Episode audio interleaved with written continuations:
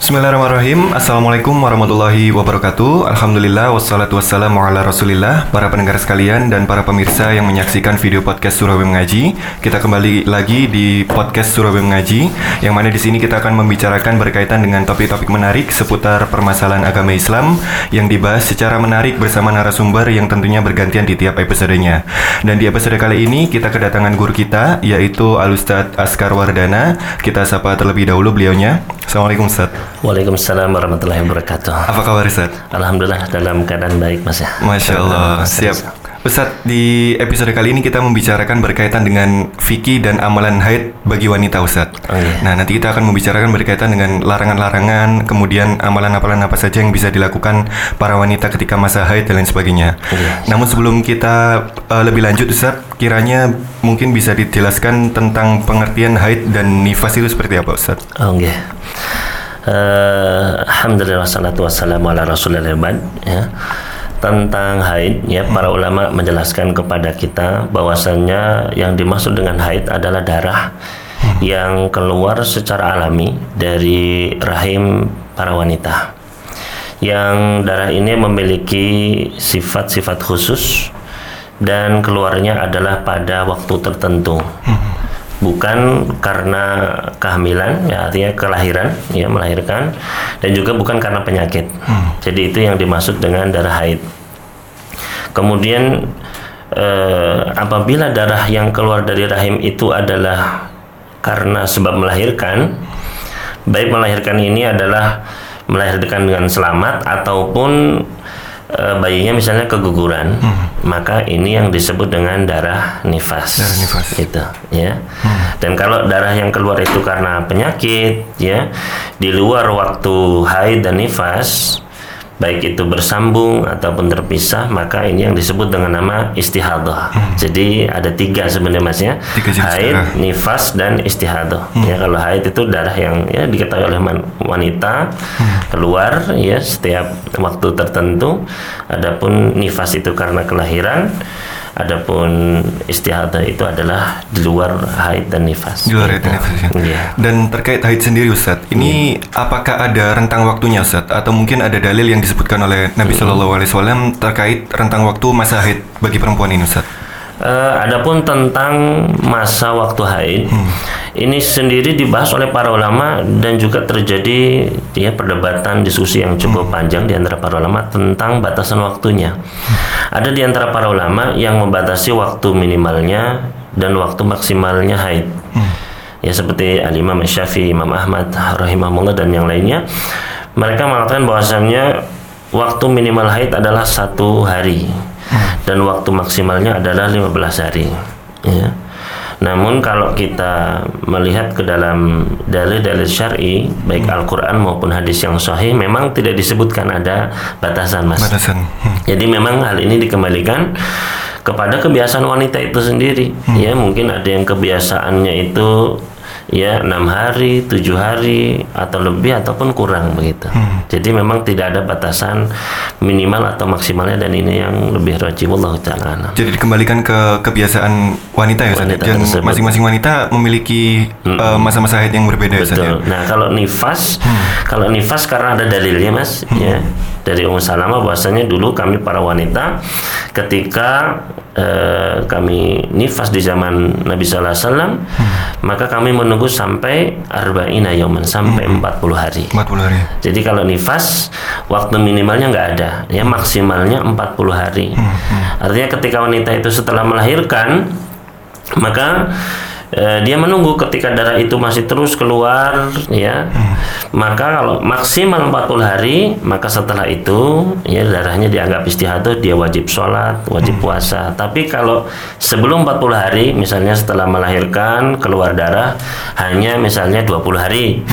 Setelah itu berhenti maka ya berarti sudah suci. Sudah suci, Begitu. Ustaz, ya. Tapi kalau sudah sampai maksimal 40 hari masih keluar, maka sudah 40 sudah dianggap suci, sisanya berarti sudah ya harus harus sholat, harus puasa lagi begitu. Berarti khusus untuk nifas ini ada batasan maksimal ya Ustadz Ada ya? batasan maksimal. Sampai 40 hari tadi Ustadz ya? Iya, betul. Dan berbicara tentang haid kembali Ustadz, ini Iya. kan eh, siklus rutin bagi wanita di setiap bulannya mesti ada Ustadz. Iya. Nah kiranya apa saja larangan-larangan untuk wanita yang mengalami masa haid ini Ustadz? Mungkin Iya. Terkait ibadah itu Ustadz. eh, larangan-larangan artinya amalan-amalan yang nggak boleh dilakukan oleh wanita ketika haid itu ada yang disepakati oleh para ulama dan ada yang masih diperdebatkan gitu ya. Nah untuk yang sudah pasti atau larang-larang yang sudah disepakati oleh para ulama kita itu di antaranya ada empat mas. Ya. Yang pertama adalah larangan untuk melaksanakan sholat. Jadi haram bagi wanita untuk melaksanakan sholat baik sholat fardu maupun sholat yang sunnah. Ya. Adapun sholat yang fardu maka tidak perlu mengkodoknya berdasarkan sabda Nabi Sallallahu Alaihi Wasallam ya ketika beliau menjelaskan bahwasannya para wanita itu memiliki dua kekurangan kekurangan akal dan kekurangan agama maka yang dimaksud dengan kekurangan agama kata beliau awalam tusalli ya walam tasum ya bukankah mereka itu ketika haid idza hadat lam tusalli walam tasum mereka tidak sholat dan tidak berpuasa. Itulah kekurangan agamanya. Artinya wanita tidak boleh untuk sholat ketika sedang haid Haid. maupun nifas begitu jadi ini ini disepakati ijma para ulama. Kemudian yang kedua yang tidak boleh dilakukan ketika haid adalah berpuasa. Tadi Berpuasa. kata Nabi ya, lam tusalli walam walam tasum. Jadi wanita juga tidak boleh berpuasa ketika haid. Ya. Kemudian untuk berpuasa ini ya untuk puasa fardu di bulan Ramadan maka wajib untuk mengkodoknya. Wajib ya, ya. Hmm. Ya, karena Nabi Sallallahu Alaihi Wasallam memerintahkan eh, kepada ketika Aisyah ditanya, kenapa sih ya kita kok apa namanya ketika haid disuruh so- apa disuruh meninggalkan sholat tapi nggak mengkodoknya ya begitulah kata Aisyah. Umir nabi kodais bi kodais siam walam bi kodais sholat. Kita diperintahkan oleh Rasulullah SAW untuk mengkodok puasa dan nggak diperintahkan untuk mengkodok sholat. So, jadi ini yang kedua ya tidak boleh berpuasa. Kemudian yang ketiga yaitu yang disepakati juga oleh para ulama adalah tidak boleh berhubungan suami istri di kemaluan. Ya, tidak boleh hubungan suami istri di kemaluan. Kemaluan. Hmm. Ya, hal ini bisa dilihat ya berdasarkan Al-Qur'anul Karim di dalam Al-Qur'an surat eh, Al-Baqarah ayat ke-222. Allah Subhanahu wa taala firman, "Yas'alunaka 'anil mahid qul huwa adan fa'tadhilun nisaa fil mahid." Ya. Mereka bertanya kepadamu wahai Muhammad tentang ha- haid ya. Maka katakanlah bahwasanya haid itu adalah kotoran, maka jauhilah. Nah, jauh dari sini maksudnya jangan hubungan suami istri, Suami istri. di kemaluan. Ya, makanya ketika Nabi sallallahu alaihi wasallam menafsirkan ya eh, isna'u kulla syai'in illa nikah kata beliau. Ya, lakukanlah semua segala sesuatu boleh bersama istri kalian kecuali an nikah maksudnya berhubungan suami istri di kemaluan. Ya, jadi ini yang ketiga. Kemudian yang keempat yang juga disepakati oleh para ulama nggak boleh ya bagi wanita haid ataupun nifas melakukannya yaitu adalah eh, melaksanakan tawaf, Tawaf. di sekeliling Ka'bah. Itu disebutkan di dalam eh, hadis yang sahih ketika Aisyah ikut haji bersama Rasul sallallahu alaihi wasallam. Kemudian Aisyah haid.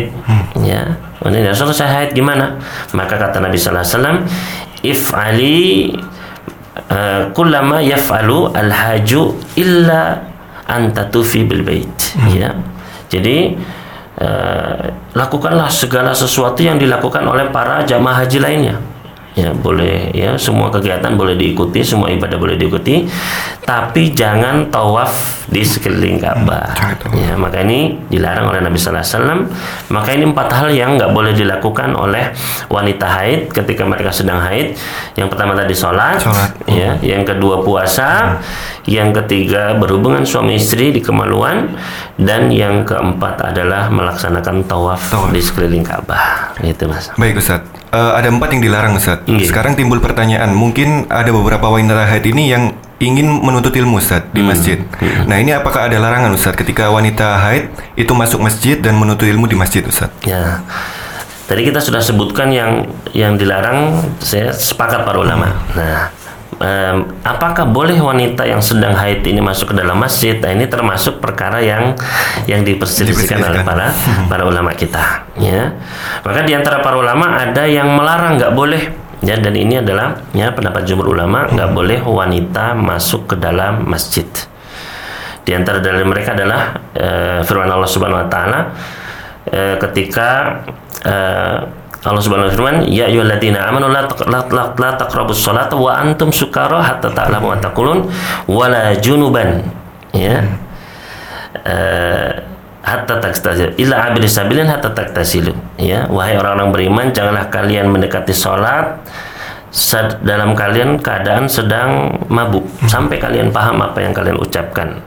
Dan juga jangan sampai orang junub ya masuk ya, ke dalam sholat kecuali orang yang sekedar melintas saja melewat sampai dia mandi. Nah, para ulama mengkiaskan wanita yang haid dan nifas ini dengan orang yang junub tadi. Ya. Dan mereka menyebutkan bahwasanya la taqrabus shalah di sini adalah uh, maudhi'us shalah, tempat salat yaitu masjid. Ya, janganlah mereka masuk ke dalam masjid dalam keadaan junub kecuali kalau sekedar lewat nah begitu. Ya. Namun ya para ulama yang memperbolehkan mengatakan enggak ini ya jangan sholat maksudnya begitu sampai mandi gitu. Ya. Adapun hadis yang eh, melarang tentang ya Nabi Sallallahu Alaihi Wasallam tidak menghalalkan bagi wanita haid maupun yang junub untuk masuk ke dalam masjid maka hadis ini dilemahkan oleh para ulama ya jadi dan ya, perdebatannya cukup panjang mas ya para ulama yang memperbolehkan pun mendatangkan banyak sekali hadis ya.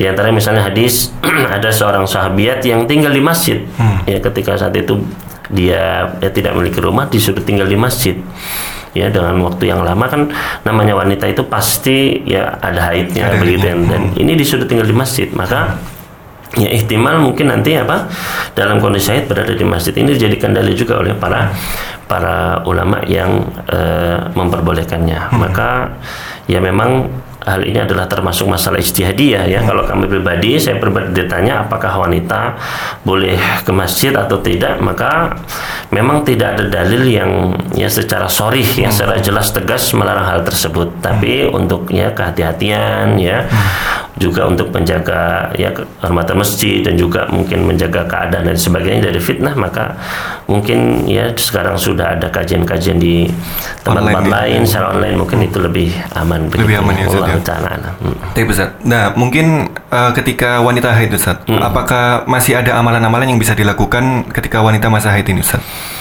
Eh, sebenarnya memang ya wanita itu tidak terhalang dari kebaikan sebenarnya ketika dia haid. Jadi haid ini sebenarnya juga adalah anugerah dari Allah Subhanahu wa taala, ya.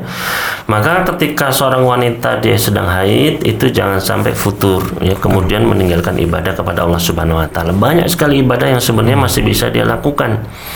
Di antaranya adalah misalnya berzikir ya berzikir ya tidak ada larangan juga dalam syariat ketika seorang wanita dia sedang haid ya kemudian ingin berzikir silakan berzikir. Entah itu bertasbih bertahmid bertakbir ya.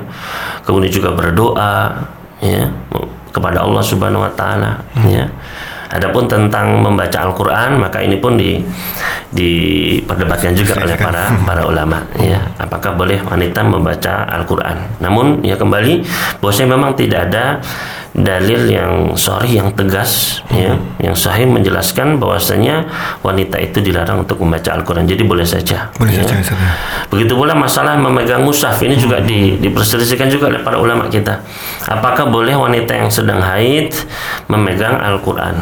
Ya, maka eh, mereka yang melarang mengatakan bahwasanya eh, Allah Subhanahu wa taala dalam surat An-Najm la, la yamassuha illal mutahharun, tidak ada yang menyentuhnya kecuali yang yang disucikan. Maka dijawab bahwasanya ini maksudnya adalah para malaikat ya. Dan ya di sini bukan mushaf Al-Qur'an tapi Al-Qur'an yang di Lahul Mahfud ya. Adapun hadis la yamasul Qur'an illa tahir, janganlah menyentuh Al-Qur'an kecuali yang suci.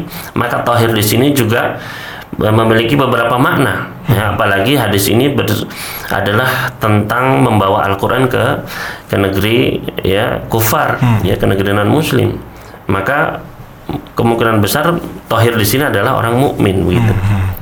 Ya maka eh, namun untuk kehati-hatian para ulama kita ya maka eh, untuk membaca Al-Quran bagi wanita haid misalnya tidak menyentuh secara langsung ya memakai kain misalnya memakai sarung tangan. Itu masih boleh Ustaz ya? itu insya Allah masih diperbolehkan ya jadi eh, wanita boleh tadi berzikir ya berdoa membaca Al-Quran.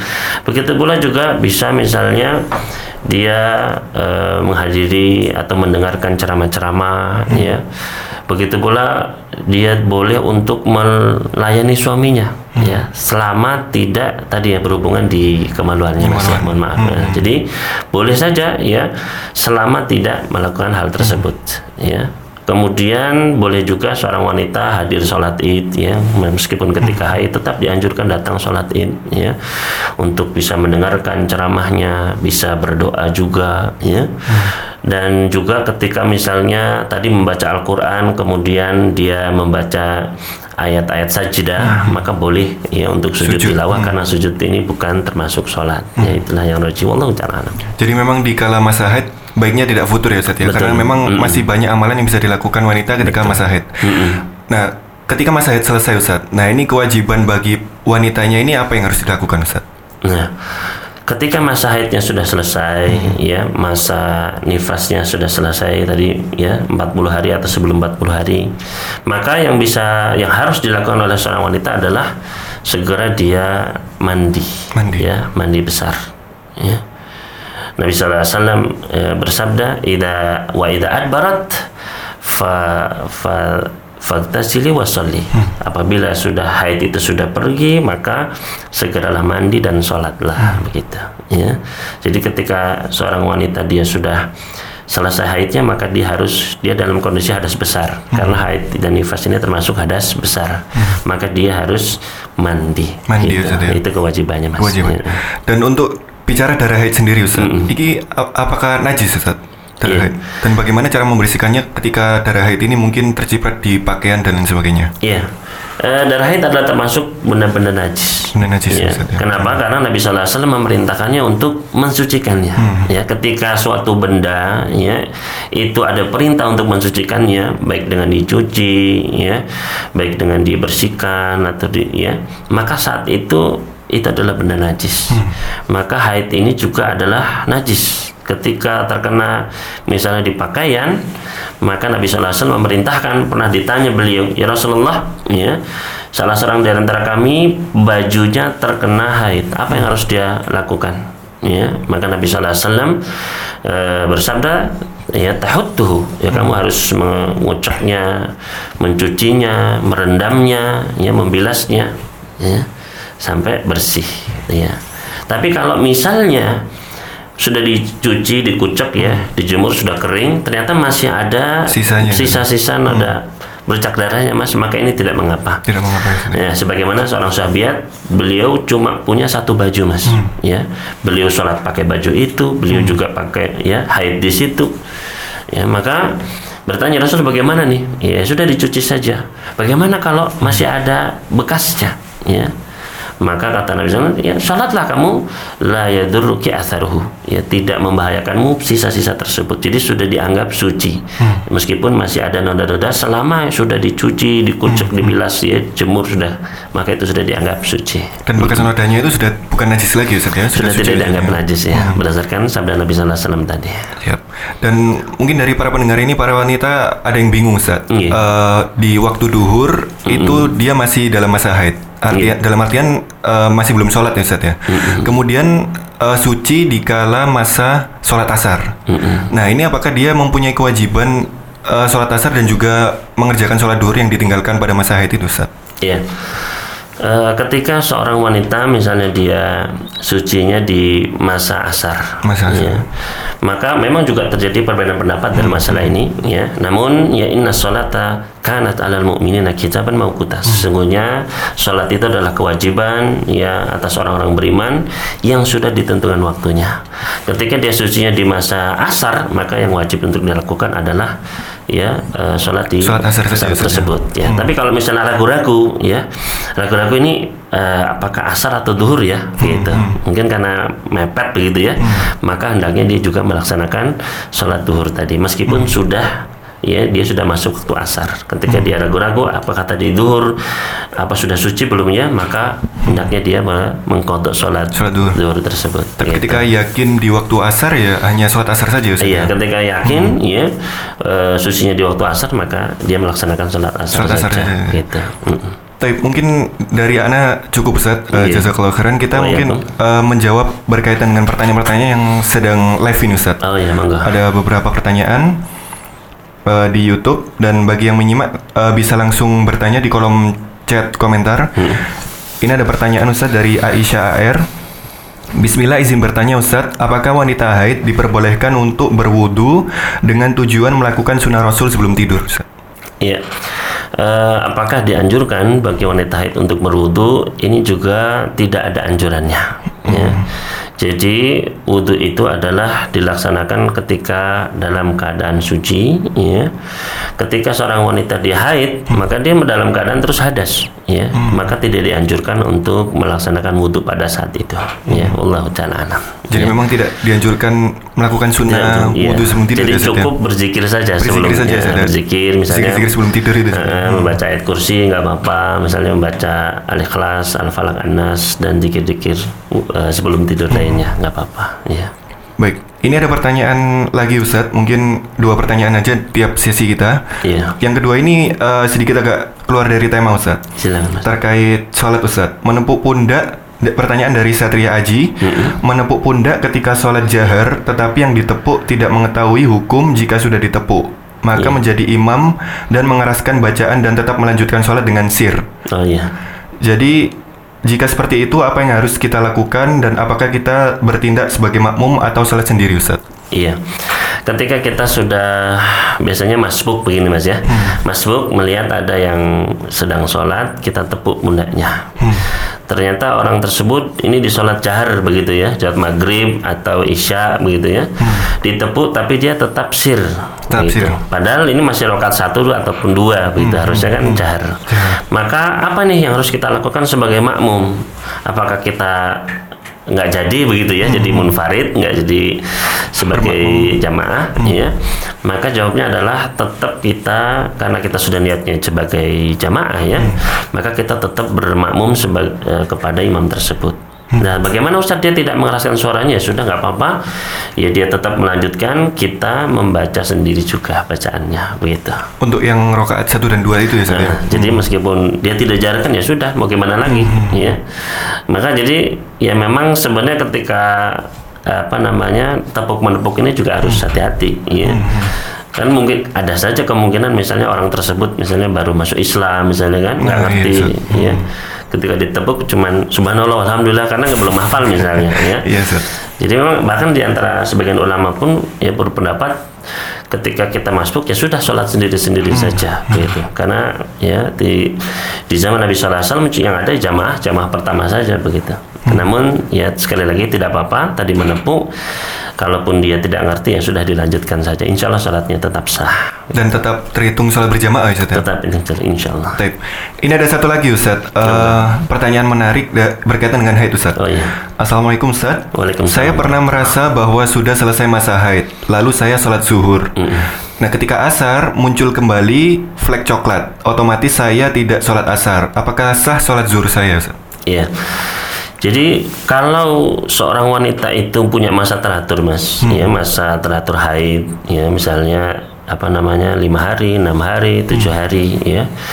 Selama hari-hari tersebut ya itu dianggap tetap haid. Ya meskipun misalnya terputus. Terputus. Hmm. kadang misalnya hari ketiga terputus. Nanti hari hmm. keempat keluar lagi ya. Maka terputusnya kalau dia benar-benar sudah teraturnya memang ya enam hari tujuh hari maka terputusnya darah tersebut tidak dianggap suci tetap dianggap sebagai haid. Hmm. ya jadi seharusnya belum sholat. Belum sholat ya. Mm -hmm. Tapi kalau misalnya apa nah seperti tadi memang biasanya haidnya cuma empat hari misalnya hmm. sudah berhenti, ya, kemudian keluar lagi terus baru berhenti, hmm. ya. Bagaimana sholat saya tersebut ya sudah. Jadi sebenarnya di sini e, penanya di sini sebenarnya masih haid sebenarnya hmm. gitu. Jadi sebenarnya tidak belum wajib sholat. Gitu. Belum wajib sholat ya. Tapi kalau misalnya tadi kembali ke istihadah tadi mas ya, hmm. hmm. kalau dia punya masa teratur enam hari ya kemudian e, berhenti enam hari sudah kemudian keluar lagi darah maka darah ini bukan darah haid hmm. Tapi darah istihadah ya, dan wanita yang istihadah itu seperti ya wanita yang suci dia hmm. harus sholat dia harus puasa begitu hmm. dan wanita yang istihadah itu para ulama menyebutkan ada tiga keadaan hmm. pertama dia yang bisa membedakan mana darah haid mana darah istihadah ya Jadi dia bisa membedakan darah haid itu darahnya kegelapan begitu ya sifat-sifatnya dia tahu ya.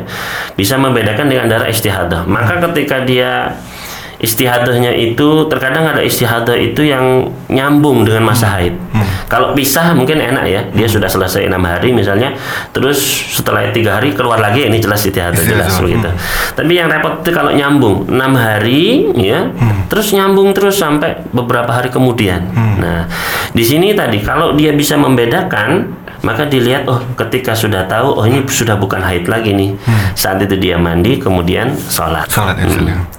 tapi yang kedua, kalau dia tidak bisa membedakan, tapi punya masa teratur, ya enam hari tadi tujuh hari, maka ketika dia sudah enam hari, ya ini masa teratur saya sudah enam hari, masih lanjut berarti sisanya itu dianggap sebagai istihadah, Istihadah. Hmm, sholat, ya juga puasa.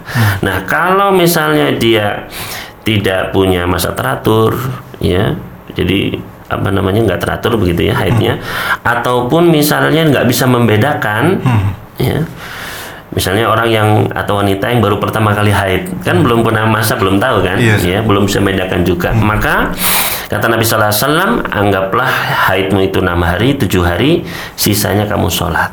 Ya jadi pernah ada seorang sahabiat yang istihadahnya itu ya panjang sekali parah sekali. Ya tiga bulan gitu keluar terus mas darahnya. Ya ini bagaimana ya Rasulullah? Ya maka kata Nabi SAW anggaplah setiap bulan kamu haid enam hari tujuh hari dikira-kira. Ya kemudian sisanya kamu sholat begitu setiap bulan gitu ya jadi misalnya wanita tadi dia istihadah tanya coba sama ibunya biasanya berapa bu ya oh, tujuh hari sudah anggap tujuh hari sisanya itu adalah eh, dianggap istihadah. Hmm. betul ya. Dan kondisi masing-masing wanita tentu berbeda ya Ustaz ya. Iya berbeda. wanita tadi ada tiga sifat Hmm, tadi. Tiga sifatnya Ustaz ya.